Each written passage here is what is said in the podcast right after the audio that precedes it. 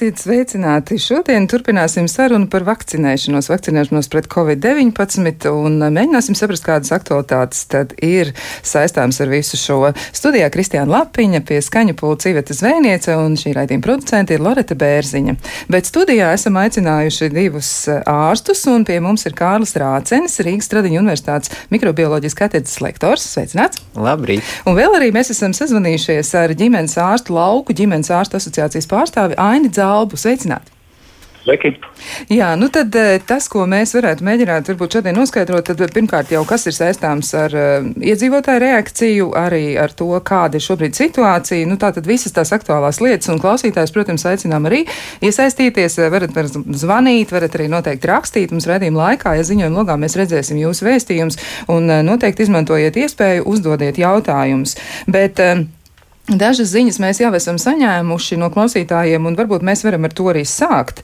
Un, uh, ir tādas lietas, par kurām cilvēki ļoti, ļoti raizējas, un uh, man gribētos. Uh, uzdot pirmo jautājumu doktoram Rācenim, un es gribētu jautāt par to, nu, kā tad ir. Varbūt jūs varat kliedēt arī dažus mītus attiecībā uz vakcīnu blakus parādībām vai arī nu, sekām, kas ir saistīts ar to, ka vakcinācija cilvēks ir varbūt to procesu pat pabeidzis, jau un ir ļoti daudz bāžu par to arī. Un iespējams, ka dažiem cilvēkiem tas kalpo kā arguments, lai viņi izvēlētos nevakcinēties. Un proti, mm, e, nu, masu mēdījos arī kādā no raidījumiem, kādā no sarunām ir, ir bijusi tāda ziņa, ka vienam cilvēkam, nu kā te man ir saņemta ziņa no viena no klausītājiem, ka vienam cilvēkam no tūkstoša, kas ir saņēmis vakcīnu pret covid-19, iestājas pusi ķermeņa paralīzes. Nu, es gribētu komentāru par šo te visu, un droši vien daudz klausītāji arī gribētu zināt, kas tas īsti ir un no kurienes šādas ziņas un eh, kas tas vispār varētu būt, kā to varētu skaidrot, ja, jo tas izklausās pēc pēc nepatiesības. Nu jā, nu būtībā ir tā, ka, ja mēs domājam par tām zināmajām blakus parādībām, kas varbūt saistītas ar vakcināciju, tad šāda blakus parādība kā paralīze netiek ziņota ne Latvijā, netiek ziņota ne arī citās pasaules valstīs. Un būtu nu, muļķīgi domāt, ka ir kaut kāds unikums noticis lokāli, tur, kur cilvēks dzīvo, nu, kad ir šī paralīze. Ja tāda situācija arī rodās un attīstās, un cilvēkam ir bažas, ka viņam varbūt tas ir saistīts ar vakcināciju, viņš to var ziņot. Viņš var ziņot to savam ģimenes ārstam vai arī ārstam, pie kura viņš regulāri iet, ārsts tālāk ziņos eh, šo gadījumu, kur izskatīs, un tāpat arī paši iedzīvotāji var ziņot. Katrs var pilnīgi pats ziņot, ja viņam ir tāds aizdoms. Jo jāsaprot, ka mēs nevaram izdarīt tik vienkārši secinājumus. Mēs nevaram pateikt tā, ka notiek vakcinācija un, nezinu, mēneša, divu mēnešu laikā cilvēkam ir veselības problēmas. Mums vakcinācija notiek ļoti plašā mērogā, ļoti daudz cilvēku kopumā tiek vakcinēti. Un, protams, kad arī cilvēki slimo ar dažādām slimībām, tās slimības noris neatkarīgi no vakcinācijas procesa. Līdz ar to saistīt to automātiski ar vakcīnām ir nepareizi. Tāpēc tur ir vajadzīga izvērtēšana un skatīšanās, vai tur ir kaut kāda cēloņa seku sakrība. Šobrīd ar paralīzi tādas cēloņa seku sakrības nav. Bet Eh, man pieņemšanā daudz nāk pacienti, mm, kuri mm, nu, stāsta par šādu līdzīgu pieredzi. Un tad mēs ar viņiem pārunājam to situāciju, un arī es mēģinu minēt, tomēr, nu, ka mūsu tajā populācijā, kas ir vakcinēta, piemēram, gan medicīnas personāls, gan arī paši pacienti, kas ir, pieņemsim, manā gadījumā nieru slimību pacienti, nu, tādas neviens blaknes nopietnas nav ziņojis. Nu, nav, nav nekas tāds bijis. Ir bijuši satraukumi par paaugstinātu temperatūru, jā, ko mēs esam pārunājuši, ko darīt un tā, bet, bet šāda veida nu gan nav bijis. Jā, nu tā tad eh, tas ir pilnīgi skaidrs, ka var arī paziņot par to, kā cilvēki jūtas. Un patiesi jūs varat arī noteikti izmantot šo te iespēju, jūs varat ziņot, un arī jūs varat izmantot informācijas nu, tādu diezgan lielu apjomu, ko jums piedāvā Eiropas medicīnas aģentūra. Jūs varat arī meklēt tādu adresi, kas ir, nu, es mēģināšu to arī nosaukt, un eh, ja kādam tas tiešām šobrīd liekas aktuāli, jūs varat arī to piefiksēt. ADRR Ja, tātad reports.eu un adreports sanāk ar diviem R burtiem. Jūs varat arī meklēt pēc Eiropas medicīnas aģentūras nosaukumu. Jūs noteikti atradīsiet, un tas, ko jūs tur varat atrast, Jūs varat atrast iespēju paziņot par blaknēm, un jūs varat arī atrast informāciju par tām blaknēm, kādas viņas ir. Un eh, es arī paskatījos Zāļu valsts aģentūras eh, mājaslapā, kas ir uh, pieejama arī jebkuram iedzīvotājam, un 14. jūlijā apkopotie dati liecina par to, ka šobrīd Latvijā nav apstiprināts neviens letāls gadījums, kuram balstoties uz Zāļu valsts aģentūras pieejamiem datiem būtu noteikti cēlonisks saistība ar COVID-19 vakcināciju. Varbūt arī doktoram Zalbam ir kas piebilstams par šo, kāpēc cilvēki tik ļoti raizējas un eh, kāpēc varbūt viņiem ir tāda tendence saistīt kopā kaut ko, ko viņi ir dzirdējuši, nu, tā nepārliecinoties par to patiesumu. Jā, no tas, ko mēs arī no, novērojam savā ikdienas darbā, un it sevišķi tagad, um, varbūt mums lielākā, es gribētu teikt, manā praksē lielākā daļa pieaugušo iedzīvotāju jau ir vakcinēti. Mēs esam vakcinējuši vairāk kā 800 mūsu uh, prakses pacientu. Un arī tādus nopietnus uh, nu, starpgadījumus vai nopietnus tādas uh, reakcijas pēc vakcinācijas mēs neesam novērojuši. Protams, mums arī uh, mūsu pacienti ziņojuši, ka uh, ir, uh, ir šīs sagaidāmie uh, nevēlamie notikumi, kā paaugstināta temperatūra, muskuļu sāpes, galvas sāpes, slikta pašsajūta un tam līdzīgi. Bet nu, visi šie gadījumi ir veiksmīgi atrisinājušies gribēju teikt, ka tomēr lielākais šobrīd šķērslis, parunājot ar mūsu pacientiem par vakcināciju, ir bailes un neziņa no vakcinācijas. Un arī, arī šonadēļ mēs turpinām sniegt šo vakcinācijas pakalpojumu. Mums bija arī uh, ieradušies arī jaunieši saņemt šo vakcīnu un īstenībā tādi uh, forši, uh, stipri, veselīgi lauku puiši bija pārbijušies kā diegi, salasījušies Facebookā, ka kas, ko tagad mēs ar viņiem darīsim un kā tas izskatīsies. Un bija īstenībā ļoti pārsteigti, ka tā ir parasts dūriens, kā, kā jebkuras vakcinācijas gadījumā. Neko tādu savādāku un briesmīgāku mēs ar viņiem nedaram, un nekādi tādi uh, blakus notikumi, ko viņi ir redzējuši Facebook, ka kāds tur raustās agonālos krampjos, vai kādam to līdz kāds kaut kāds notikums attīstās. Neviens to nav piedzīvojis un priecīgi, laimīgi dodas mājās, stāstīt saviem paziņām, ka uh, nav tik traki, kā tas ir bijis. Tas, ka, ko mēs secinām, varbūt un pārdomājam, uh, kā ģimenes ārsti, mēs tomēr redzam, ka mūsu sabiedrībā šīs nu, zināšanas par vakcināciju, zināšanas dažādos veselības pratības jautājumos nu, nav pietiekamas. Un ņemot vērā to, ka šis ir tāds nu, jauns vīrus, jau, jauna vakcīna, cilvēku interese ir.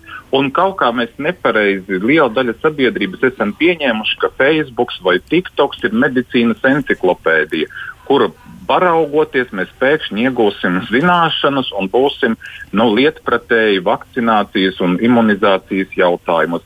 Un līdz ar to šī te, nu, ne, uh, informācija, ko mēs gūstam, nu, nav balstīta ne bioloģijā, ne medicīnā, ne mikrobioloģijā. Tādēļ arī izplatās šīs šaubas. Un, un mēs, protams, savā ikdienas darbā, kā, kā ģimenes ārsti un arī, un arī mūsu medicīnas māsas, nu, mēģinam to skaidrot, pārliecināt. Un, un gribētu teikt, ka arī skeptiķu pieredze saņemot vakcināciju ir visnotaļ pozitīva. Tā kā aicinu visus noteikti nebaidīties, izrunāt šos neskaidros jautājumus, uzticēties saviem ārstiem, un, un mēs visi būsim ieguvēji.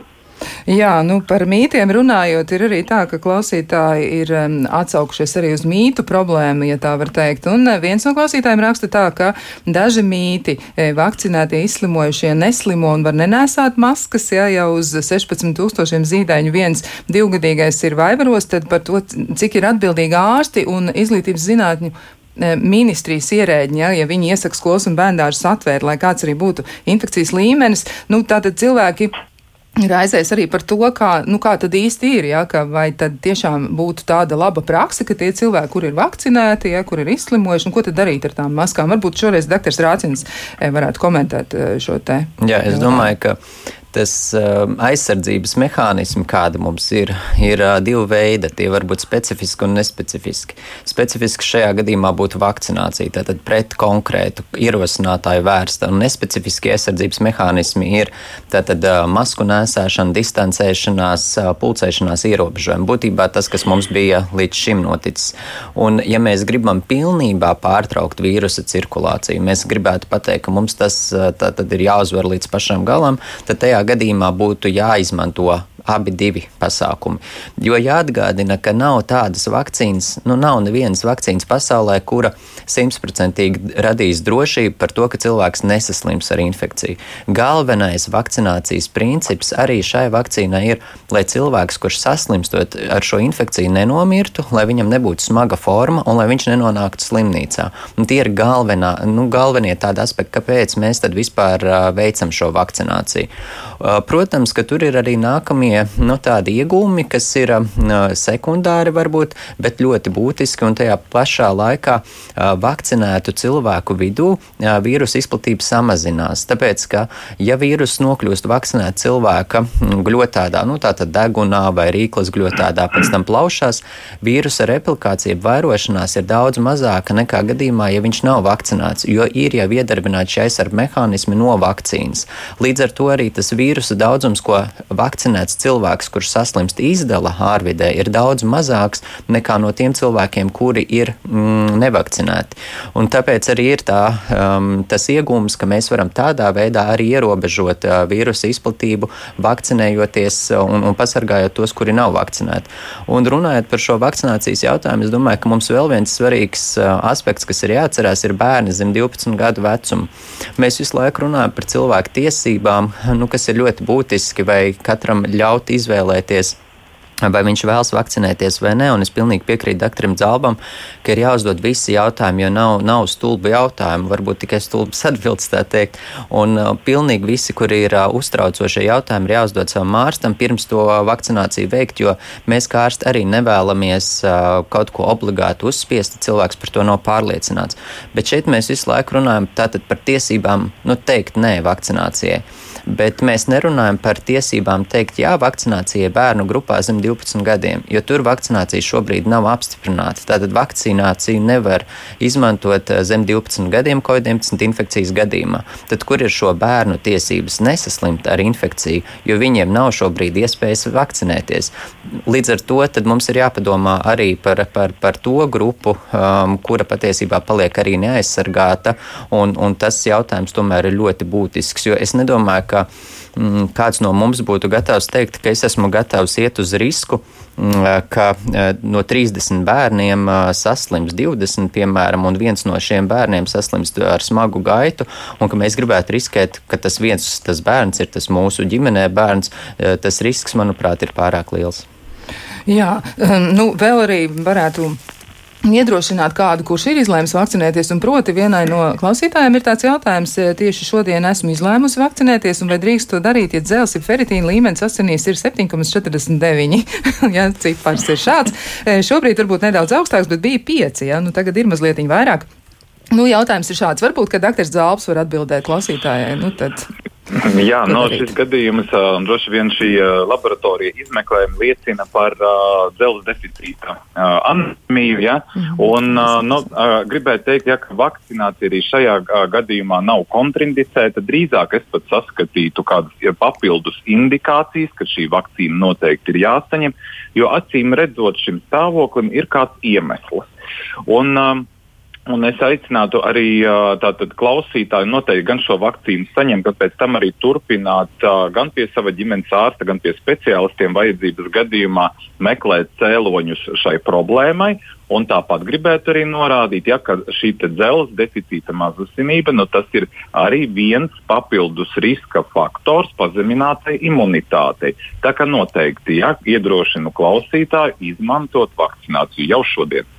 Jā, nu vēl viens jautājums ir, kādu skaidrojumu varētu sniegt kolēģim, kurš nevakcinēs tāpēc, ka, un tā ir eh, kolēģi ideja, ka baidās no negatīvās ietekmes, kādu vakcīnu varētu atstāt uz viņa ģenētisko materiālu. Pie tam, nu tā tad es saprotu, ka tas ir vīrietis, laikam, ja tad raizējās par ne, savu dzimumu šūnu kvalitāti. Ja, nu, te darētu atbildi, varbūt tad eh, dr. Dzalps eh, pasaka kaut ko no savas puses, un varbūt, ja būs dr. Rācinim, ko piebilst noteikti arī. Jā, es domāju, noteikti, ja uh, doktoris vēl pat, uh, papildināt, bet uh, es gribētu teikt, jā, ka šis jautājums sevišķi tādos gados um, jaunu pacientu vidū ir ārkārtīgi aktuāls. Un arī saprotams, nu katrs mēs aizējamies par sev svarīgām un aktuālām lietām.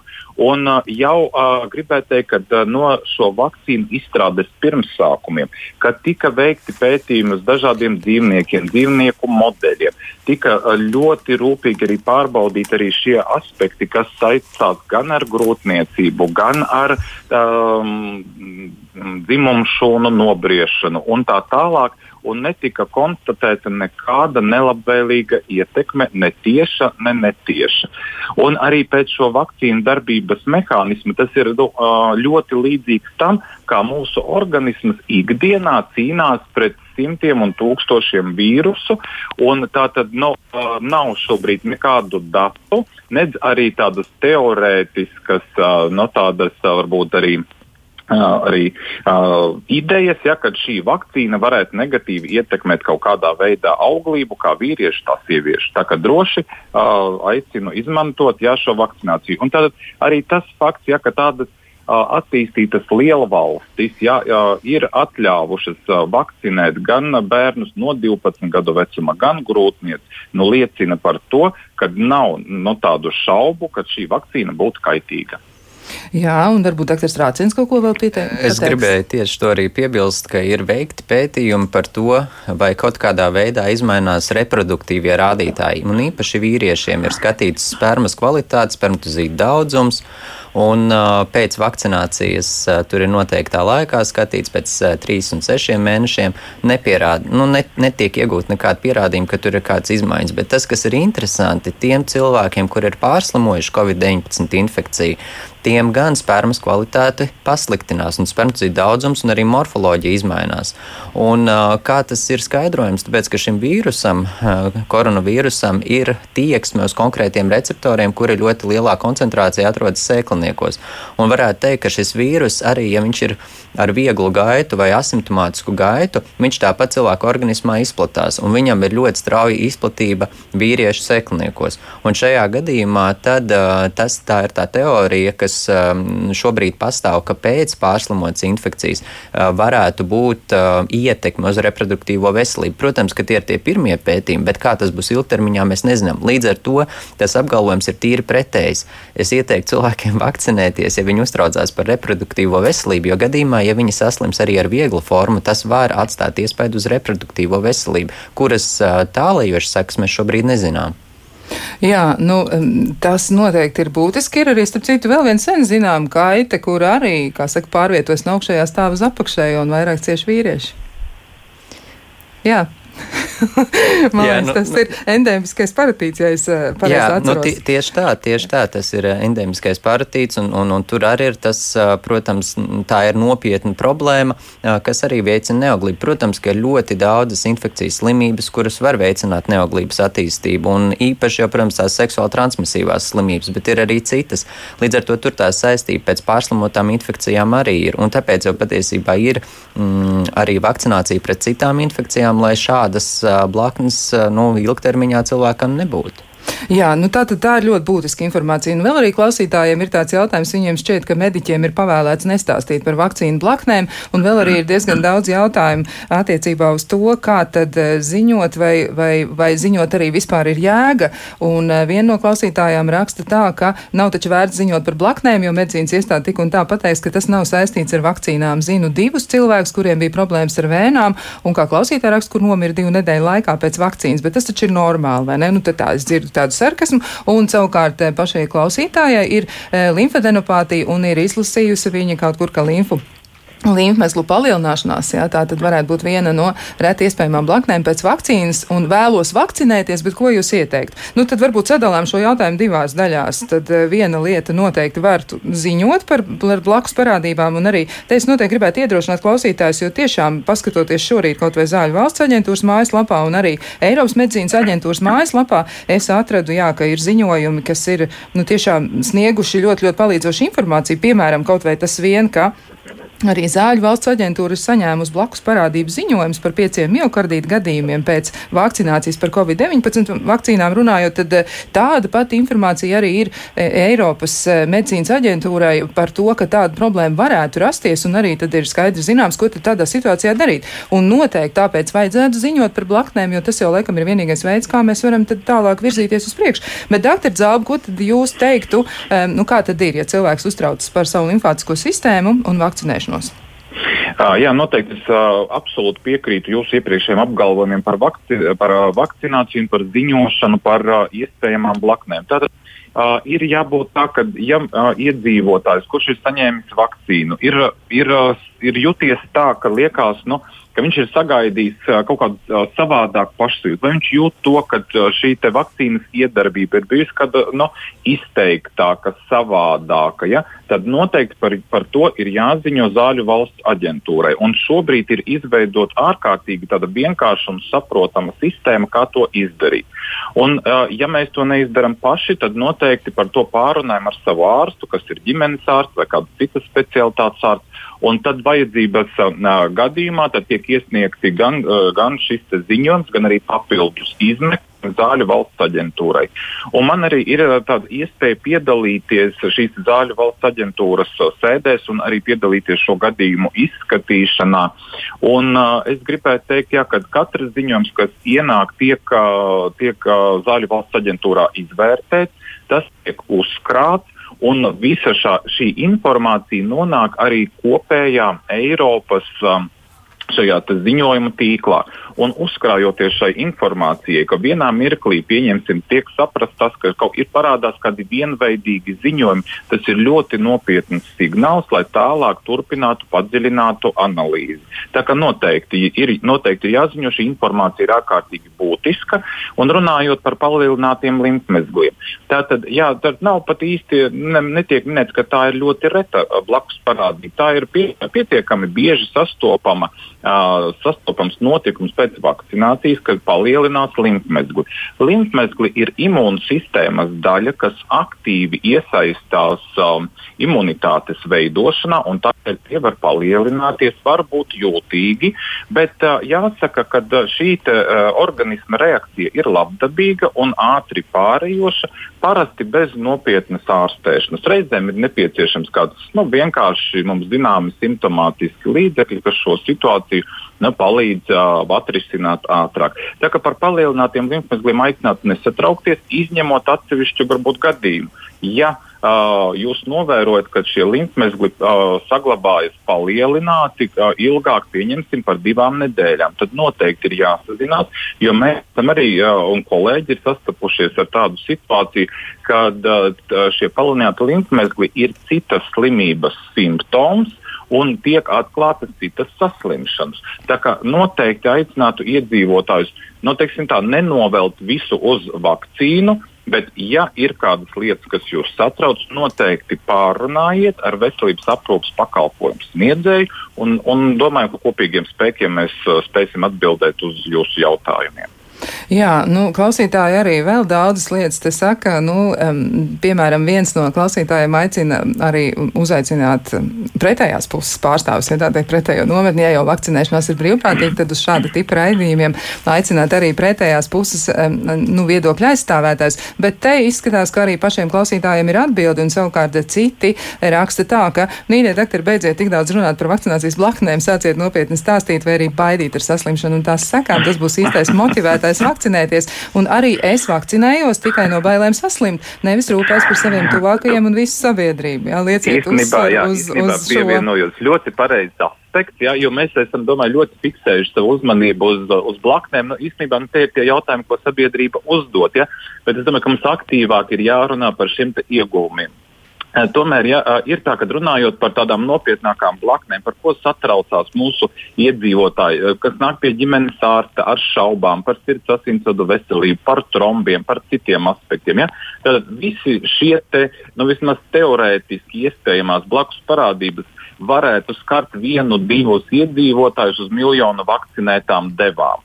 Jā, tad ši, visi šie iespējamie notikumi ģimenes ārstiem un citiem speciālistiem, kuri nodrošina vakcināciju, ir zināmi. Mēs šos uh, nevēlamos notikumus uh, spēsim atpazīt, taču jā, absolūti pievienojos tam, ka tie ieguvumi, ko sniedz vakcinācija, un varbūt vēl tieši papildus skaidrojums ja, par vakcīnu efektivitāti, to iedarbīgumu dažādu vecuma grupām, ir tā lieta, par ko mēs varētu tiešām nu, vēl aktīvāk runāt un skaidrot mūsu pacientiem. Jā, nu varbūt vēl precizējums attiecībā uz klausītājs jautājumu par limfadenopātiju. Tad viņa e, var doties pie sava ģimenes ārsta un precizēt šo informāciju pati pie viņa un tad noskaidrot arī vai pie sava e, cita ārsta, pie speciālista, kas tieši ar šo jautājumu nodarbojas, vai viņa var un vai viņai vajag šobrīd vakcinēties. Tātad noteikti jāpārunā ar ģimenes ārstu, jāsaprot, kas ir palielinātu limfmezglu iemesls, ja tas, ja tas tāds ir. Un, un noskaidrojot to iemeslu, varēs arī veikt tādu, no, dot precīzāku atbildi. Ja? Tā kā vispār palielināti limfmezgli kā tādi uh, ir iespējams nopietnas slimības simptoms. Noteikti jāatrisina. Ir. Jāatrisina, un tad jau var izlemt par to, ko tad ar to darīt. Ja? Vispirms tātad noskaidrojam iemeslu. Nu, vēl ir laba piezīme no vienas no klausītājām. Viņa raksta tā, diez, kas būtu noticis ar cilvēci, ja nebūtu vakcinēti pret stingumu krampiem, vēbakām, difteriju, šarlaka hepatītu un vēl kaut ko citu. Tātad lielākajā daļā gadījumā ir jāvakcinēs, lai cilvēks vispār pastāvētu patiesi. Nu, tā tas arī ir. Bet um, vēl atgriežoties pie Nu, tādiem konkrētiem eh, jautājumiem. Vēl ir jautājums arī tāds, vai ar vienas reizes vakcīnu var vakcinēties, ja ir bijušas problēmas ar asins recēšanu. Un kā es varu zināt, vai man ir vai nav alerģija pret kādu no komponentiem. Un eh, var jau būt, ka arī blaknes ir tādas, par ko nemaz nepaspēja paziņot. Ja? Nu, tādas ļoti liels bažas ir atkal par tām pašām blaknēm, bet varbūt par asins recēšanas sistēmu un uh, vakcinācijas uh, iespējamām nu, kaut kādām tādām lietām. Varbūt komentēja doktori. Jā, jā rā, doktorim Rācinim šis jautājums uh, vairākas, kā, vairākas reizes ir uzdots un prasīts, vai tur ir, piemēram, cilvēkiem, kuriem ir bijuši insulti iepriekš, kuriem ir bijuši miokārda infarkti, vai arī kuriem ir m, citas slimības, kas saistītas ar asins recēšanas sistēmu, vai viņi drīkst droši vakcinēties. Un kāpēc nāk šis jautājums? Tas nāk tāpēc, ka vakcīnām ziņoja šo ļoti reto blakus parādību, kuru jau dr. Zelps minēja, kas ir pēc vakcinācijas trombocitopēniska tromboze. Mm, un uh, viņas notikuma biežums ir apmēram viens uz pusmiljonu.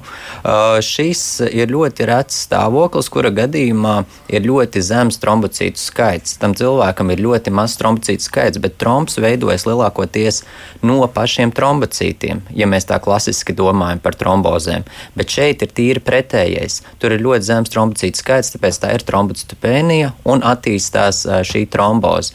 Un tā ir autoimūna saistība kustība, ko par ko uz, tiek domāts, kas ir saistīta ar vakcināciju. Un šo pateikt, kuram tas būs vai kuram tas nebūs, mēs nespējam. Un nav identificēti riska faktori, kā piemēram iepriekšējas um, trombozes, ka tas būtu tas nu, galvenais faktors, kāpēc šāda situācija var gadīties. Līdz ar to šīs vienreizējās vakcīnas, kas visticamāk domāta ir Janssen vakcīna, var izmantot cilvēkiem, kuriem ir bijušas trombozes. Patiesībā cilvēkiem, kuriem ir bijuši miocarda infarkti, kuriem ir bijuši insulti, viņiem ir chroniskas slimības. Līdz ar to viņiem ir daudz lielāks risks saslimt ar smagu slimības gaitu. Un man jāsaka tā, ka Nu, es strādāju sešus mēnešus lielā Covid nodaļā, un, un uh, tur mēs redzējām nu, dažāda vecuma un, un dažādas kategorijas cilvēkus, kur mēs brīžiem jautājām, kādi ir riska faktori, kāpēc šim cilvēkam šī infekcija notiek tik smagi, kāpēc viņš nomirst, kāpēc, kāpēc tas tā notiek. Un mēs nevaram sniegt simtprocentīgu atbildi. Līdz ar to mēs sniedzam to atbildi, ko mēs redzam no pieredzes. Tātad tas ir hroniskās slimības, tas ir tajā skaitā cukura diabetes, paaugstinās asinsspiediens, nieru mazspēja, onkoloģiski pacienti, cilvēki, kuriem ir autoimūnas slimības, tiem ir šis lielais risks pēc tam saslimt ar smagu slimības gaitu. Līdz ar to viņiem vajadzētu vakcinēties, un tad atbildu šo jautājumu ir, vajadzētu šai klausītājai arī vakcinēties uh, trombožu gadījumā iepriekšēji. Jā, skaidrs. Tā tad atbildi ir atrasta, bet mēs uz kādu mirkli atvilksim elpu un tad atgriezīsimies pie šīs sarunas pēc īsa brīža. Kā labāk dzīvot? Mēs atgriežamies pie sarunas par Covid-19 un par eh, vakcinācijas jautājumiem šodien mēģinām runāt. Un arī atgādināšu, ka studijā pie mums ir Kārlis Rācens, Rīgas Stradiņa Universitātes mikrobioloģijas katedras lektors, un vēl arī mēs runājam ar Aini Dzalbu, kurš pārstāv lauku ģimenes ārstu asociāciju. Un eh, jautājumi birst kā no pārpilnības raga, tādi ir ļoti, ļoti daudz patiesi. Un uh, ir tā, ka arī klausītāju viedokļi dalās, bet tomēr izskatās man tīri statistiski, ka vairāk klausītāji interesēs par to, to, kad un kā viņi varētu vakcinēties, un arī ir diezgan daudz tādu labu argumentu attiecībā uz to, kāpēc tas būtu jādara. Nu, vēl ir tāds viens arī ļoti skarbs komentārs no klausītājas. Bet šķiet, ka tas varētu būt labs motivētājs. Ja, ja cilvēks reiz, kurš ir saslims ar covid, nav vakcinējies, un tā ir bijusi viņa izvēle, redzot, tad viņam pašam būtu jāsadz ārstēšanās izmaksas nevis valstī. Es maksāju nodokļus un nevēlos apmaksāt ārstēšanos bezatbildīgiem cilvēkiem. Nu, tā varētu būt, jā, tas varētu būt viens no variantiem, kā to uzlūkot, bet, protams, bažas ir bažas, un tās nevar tā vienkārši noraidīt. Tāpēc droši vien informācijas sniegšana varētu būt labākais risinājums. Un te nu mēs varētu arī mazliet vairāk parunāt par tā saucamo deltas variantu, ja, kas tagad arī ir pārņēmis cilvēku prātus, un varbūt doktors Rācens varētu informēt sabiedrību par to, kas tur īsti notiek ar to deltas variantu. Jā, koronavīrusiem ir tipiski mainība. Tātad tās ir mutācijas, kuras notiek mūsu organismā, un ļoti daudz šādas mutācijas notiek valstīs, kur ir ļoti strauja vīrusu izplatība. Un, piemēram, Indijā, tātad, no kurienes ir cēlies šis delta variants, ir bijušas straujas mutācijas. Es lasīju, starp citu, pirms šī raidījuma komentāru, kurš bija Latvijas radio sadaļā zem šī raidījuma, kur kāda klausītāja rakstīja, ko jūs tagad runājat, ka ir šāds delta vīrus, tad jau drīz būs alfa un citi. Jā, nu alfa jau bija vispār, un būs arī citi. Šobrīd ir septiņi, astoņi tie nu, tādi, tādi nopietnākie varianti, kas ir ziņot, un viņus sauc grieķu burtos, jā, epsilon, gamma un tā tālāk, un tā tas būs. Tā ir tāda normāla virusoloģijas parādība, kad izmanto šādu nomenklatūru. Un jāsaka, ka par delta variantu vakcinācija sasniedz savu mērķi, jo galvenais, kā jau minēju, vakcinācijas vakcīnas mērķis tātad ir pasargāt no smagām formām, no nāves un no atrašanās slimnīcās. Un šie dati, kas nāk no Izraels un no Lielbritānijas, kur ir pētīts efekts uz delta variantu, parāda, ka 94% gadījumi, gadījumu cilvēki nesaslimst ar smagu slimības gaitu, ja ir šis delta variants. Līdz ar to vakcinācija vēl joprojām ats, nu, atsver to, ko, no mēs, ko mēs no tās sagaidām. Protams, ka mainoties vīrusam, var mainīties arī vakcīnas efektivitāte, jo mēs izmantojam vakcīnā vienu informācijas daļu, bet ja tas vīrus izmaina pavisam citu šo receptorību informācijas daļu, kas tiek tālāk izman, izmantot infekcijas attīstībā, tad tajā gadījumā, protams, vakcīna var kļūt mazāk efektīva, un nu, sliktākā gadījumā tā var kļūt vispār neefektīva. Bet tajā gadījumā tad atkal ir tas pats stāsts, kas ir ar gripu, jo mēs zinām, ka gripas vakcinācija mums ir jāveic katru gadu, jo arī gripas vīruss ir ļoti mainīgs, un zinot, paredzot, kādas būs šīs nu, virsmas receptoru struktūras, tiek katru gadu saražota jauna vakcīna. Tas nenozīmē, ka tā ir jauna kā jauna tehnoloģija. Tas nozīmē, nozīmē, ka tā ir iepriekšējās tehnoloģijas vakcīna, kurā tiek izmainīta viena sastāvdaļa, kas nes šo būtisko informāciju. Līdz ar to domāt, ka jaunie koronavīrusu paveidi mūs te tās te līdz mūža galam sekos līdz. Tā varētu būt, bet uh, tur jau ir cilvēks sasniegums. Vakcinācija ir cilvēks sasniegums, un ja mēs paskatāmies uz vēsturi, tad tādas slimības kā poliomielīts, difterija un daudz cits ir izskaustas no mūsu sabiedrības tikai pateicoties vakcinācijai. Un jāsaka, ka pēc analoģijām šīs vīrusa slimības, kuras notiek ļoti strauji, mums nav citu ieroču. Mēs varētu domāt par ārstēšanas lietām vai ko citu, bet arī, ja mums būs šīs zāles, tās ir ļoti grūti lietot. Kāpēc? Tāpēc, ka pirmajā periodā, kad cilvēks inficējas ar vīrusu, viņam nav simptomu, bet pirmās 3-4 dienas viņš ir ļoti lipīgs. Tātad viņš izdala vīrusu ļoti lielā daudzumā. Un būtībā, ja mēs gribam runāt par efektīvu ārstēšanu, tad to vajadzētu uzsākt tieši šajā periodā. Bet kā lai mēs zinām, ka cilvēks ir noinficējies, ja viņam simptomu nav un viņam ir nepieciešams zāles? Līdz ar to, ja arī atradīs unikālas zāles, tad to lietošana būs ierobežota. Un tā tas ir ar lielāko daļu šīm respiratorām infekcijām virālām. Tāpēc tur tā galvenā atslēga, kā mēs no tā varētu tikt galā, ir tieši vakcinācija. Jā, nu varbūt jūs varat arī vēl precizēt attiecībā uz mutācijām. Nu, klausītājiem ir tāda doma, ka, un arī jautājums par to vienlaicīgi, vai ir taisnība, ka vakcīna nesatur novainātu vīrusu, ko parasti vakcīnas satur. Nu, vakcīnas tiešām mēdz būt dažādas, jā, tas ir viens, un arī vai ir taisnība, ka mutācijas notiek tieši vakcinētu cilvēku organismā. Doktor Rācina, nu tad sadalām atkal jautājumu divās daļās. Tātad par to, ko tad satur šī vakcīna, kāda tā ir, kāda tipa vakcīna tā ir. Un tad otrs jautājums, jā, par to, kur tad notiek mutācijas. Jā, nu tagad Šobrīd Latvijā tiek izmantots divu veidu vakcīnas, un vienas tātad ir vektora vakcīnas. Tas nozīmē būtībā, ka tiek paņemts vīruss, kurš ierosina slimību iesnas, vieglas iesnas šimpanzēm. Šis vīruss tiek laboratorijas apstākļos novājināts, lai viņš tām šimpanzēm tās iesnas nevarētu ierosināt, un no viņa tiek izņemts ārā viss ģenētiskais materiāls. Tātad paliek čaula, nu, ja jūs iedomājaties patronu, paliks tikai patrons čauliņa. Un pēc tam tiek ienests iekšā šajā vīrusā neliela daļa no ģenētiskā materiāla par Covid-19 vīrusu. Tā nelielā daļa ir ļoti svarīga, jo tā ir galvenā atslēga. Tā ir informācija par to, kā izskatās svarīgākais receptors, ar kuru šis Covid-19 vīrus piesaistās mūsu organismu šūnām. Un tā informācija tika ienesta iekšā šajā tātad nesējā un pēc tam ievadīta cilvēkam, kur tālāk to uztver imūnās sistēmas šūnas. Mēs iegūstam divu veidu imūnu atbildi. Mēs iegūstam gan antivielu imūnu atbildi, tāda ir humorālā, un mēs iegūstam arī celulāro, jeb šūnu imūnu atbildi. Jo mūsu organismā nav tikai antivielas, un tāpēc arī mēs kā ārsti nesakām, ka jā, mums obligāti tikai un vienīgi uz antivielām ir jāskatās. Tas antivielu jautājums var būt ļoti nu, šaubīgs, tāpēc ka imūnu atbildi nenodrošina tikai antivielas. Ir šīs šūnas, kuras pēc tam atpazīstot konkrētā re receptora klātesamību, iznīcinās jau, jau vīrusu inficētu šūnu. Tātad tā ir tā galvenā lieta, kas ir vektoru vakcīnām. Otras vakcīnas, kuras tiek izmantotas, ir mRNS vakcīnas, jeb messenger, jeb informācijas nesēja vakcīnas, un tajā gadījumā šis ģenētiskais materiāls tiek ielikts iekšā nanodaļiņu tādā lodītē, kura tiek ievadīta cilvēka organismā. Un tas mehānisms ir tāds pats, tikai šīs nanodaļiņas būtībā Viņas nav nākušas no, no kāda vīrusa, kurš, piemēram, šimpanzēm kaut ko ir ierosinājis, bet uh, gan uh, tas ir cits nu, tātad, uh, mehānisma veids. Un tas patiesībā arī ir zinātnes sasniegums šādas vakcīnas uh, ražot, jo tas uh, ir ļoti strauji gājis uz priekšu.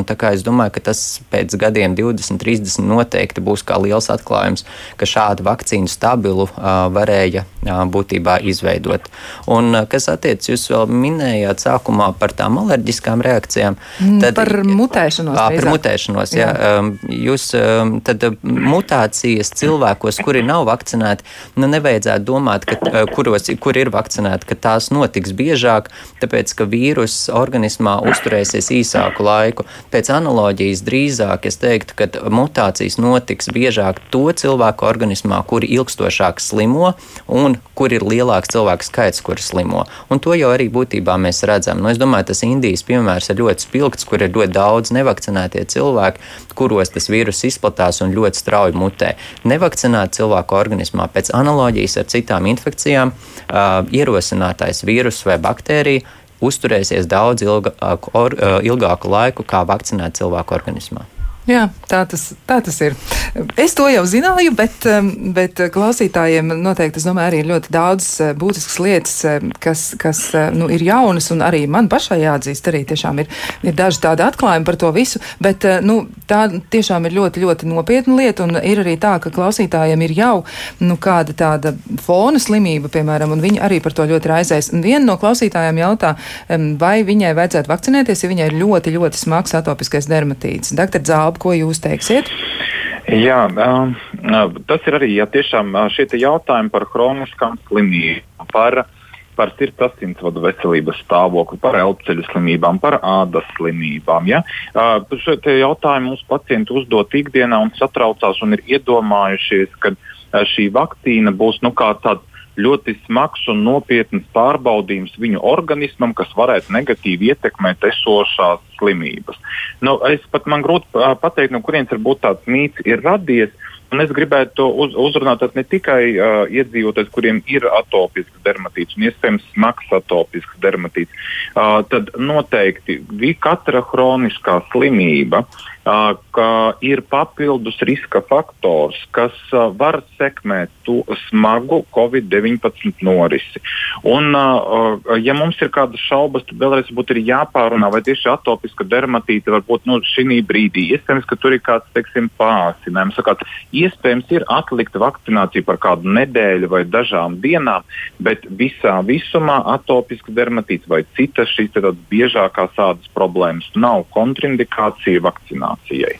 Jā, vēl viens jautājums arī no klausītājiem. Jā, pirms tam ir bijis anafilaktiskais šoks no medikamentiem, ja tā tad nu, ir kaut kāda konkrēta pieredze, diemžēl ļoti, ļoti nelāga, vai var vakcinēties un vai tur spēs sniegt adekvātu palīdzību? Nu, visticamāk, ka varēs, bet nu, tomēr varbūt vēl pakomentējiet. Nu, ja ir tāda mums ir zināma situācija, kad, uh, kad uh, pacients ir, uh, ir alerģisks, ir piedzīvojis šīs smagās alerģiskās reakcijas. Mēs viennozīmīgi mēģinam izrunāt un paskatīties, uz ko ir bijusi šī alerģija, un mēģinam uh, sīki un skrupulozi izzināt, vai vakcīnas sastāvā nav kaut kas līdzīgs, kas šo procesu varētu nu, atkal veicināt.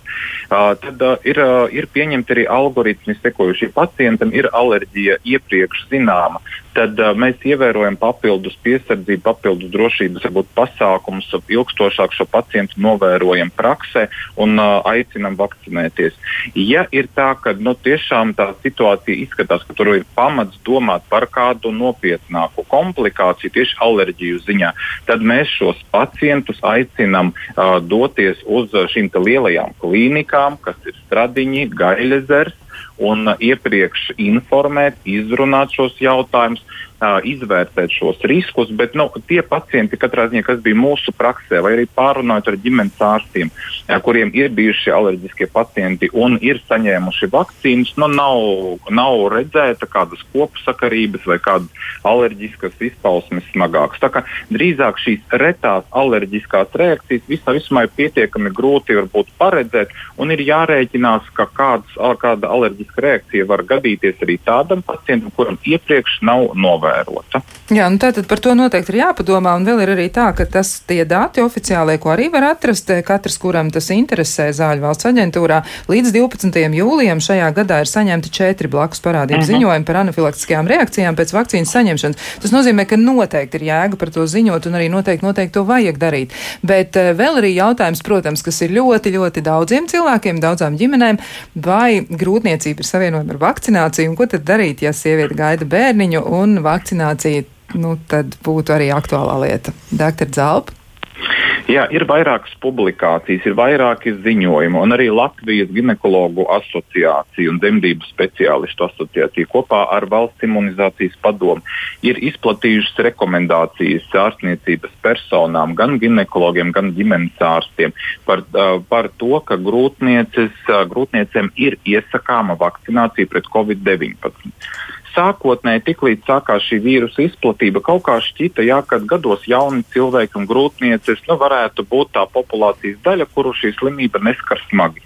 Taču uzkrājoties informācijai, tika secināts, ka ja, šī informācija nāk gan no Izraels, gan no Amerikas Savienotām valstīm par to, ka Covid-19 grūtniecēm mēdz būt ļoti smaga slimība un ar nelabvēlīgiem iznākumiem. Ir daudz lielāks trombožu risks, ir lielāks risks priekšlaicīgām dzemdībām, pēcdzemdību komplikācijām. Un tādēļ tika vērsta papildus uzmanība un, un tika celts um, papildus jautājums par grūtnieču vakcināciju. Tika pārskatīti gan šie pētījumi, ko mēs jau runājām par šiem, gan par dzīvnieku modeļiem, gan par uh, tiem, kas bija jau pētījuma dati, gan reālās dzīves pieredze.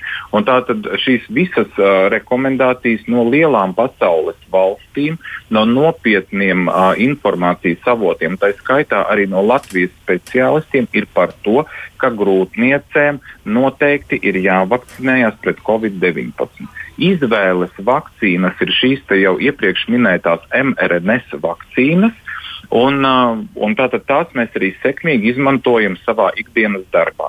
Vislielākā pieredze, protams, sākotnēji Latvijā bija ar uh, grūtniecēm, kuras ir nodarbinātas veselības aprūpē. Uh, Tās bija nu, teiksim, tā pirmās, un viss ir beidzies labi, un nekādi ziņojumi nav saņemti par kādām problēmām. Un arī šobrīd mūsu pacientiem mēs iesakām vakcinēties gan grūtniecēm, gan jaunām māmiņām, gan māmiņām, kas baro bērnu ar krūti. Tad noteikti jāizmanto šī aizsardzība.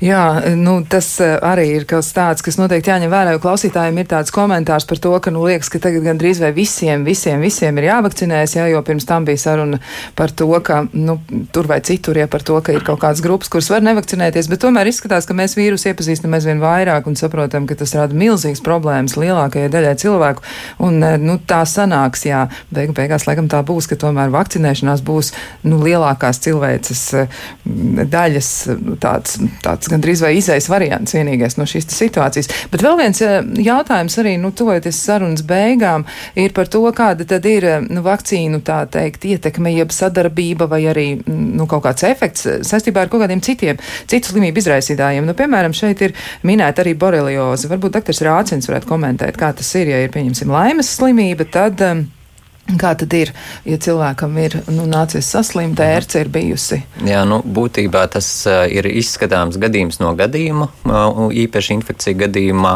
ja cilvēkam tā tad ir akūta infekcija, tad tajā gadījumā uh, mēs sakam, ka ir jābūt ar jāpieiet ar piesardzību, kurā brīdī šo vakcināciju veikt. Jo, piemēram, um, ja cilvēkam ir paaugstināta temperatūra, kur ierosina infekcijas slimību, un tagad mēs veicam vakcināciju, tas vēl vairāk var pastiprināt to, ka tā paaugstinātā temperatūra būs arī nākamajās dienās. Līdz ar to lielā daļā gadījumu mēs iesakām nedaudz nogaidīt pēc šī akūtā perioda un tad veikt šo vakcināciju. Bet šis jautājums nav teiksim, tik viennozīmīgi skatāms, jo tas būtu ļoti atkarīgs no tā, kas tad tā ir par slimību. Un te par piemēru var minēt arī to, ka sākotnēji, piemēram, Norvēģijā vakcinēja ļoti daudz seniorus, kuriem bija ļoti smagas un bieži vien arī akūtas slimības, un tajā grupā redzēja, ka pieaug it kā mirstība. Bet pēc tam salīdzinot ar grupu, kur bija šādi paši cilvēki, kuri netika vakcinēti, mirstības rādītāji bija vienādi. Tātad būtībā arī tas ir tā minēts, ka ja paredzamā dzīvildze cilvēka ir mazāk par trīs mēnešiem, tad ir jāizvērtē, cik tā vakcinācija vispār var, teiksim tā, radīt to pozitīvu efektu, lai mums pēc tam nebūtu jāizskata ziņojums, kur būtu grūti eh, izvērtēt, vai tas ir kaut kādā veidā saistīts ar vakcināciju vai nav. Un runājot par to vakcināciju kopumā, es gribēju arī pateikt, ka nu, ne es, ne doktors Zelps, mēs nevienam neuzspiežam vakcināciju, tā ir katra cilvēka paša pilnīgi brīva izvēle, vai viņš to dara vai nē. Un, ja jautājat, kad to darīt, Man atbilde ir pēc iespējas ātrāk to darīt. Bet, protams, ka cilvēkam ir jārod miers un sapratne pašam ar sevi, ir jārod visas tās atbildes, lai nebūtu pēc tam situācija, kad viņš ir novakcinējies, un pēc tam viņš meklē vainīgo tajā vakcīnā, ka kaut kas savādāks ir noticis. Jā, nu, pasaule attīstās, un eh, mēs tiešām neizbēgsim arī no šāda veida evolūcijas, kas eh, nu, kaut kādā tādā savā ziņā nelāgā veidā arī skar mūs visus, bet cilvēce ir apveltīta ar zināšanām, un tās nu, ir laiks likt lietā. Un, nu, ja kādreiz mēs raizējāmies par to, ka bakas ir problēma, tad šobrīd problēma ir koronavīrus un covid-19, bet mēs zinām, kā ar to cīnīties. Nu, tad liksim lietā visu, ko varam.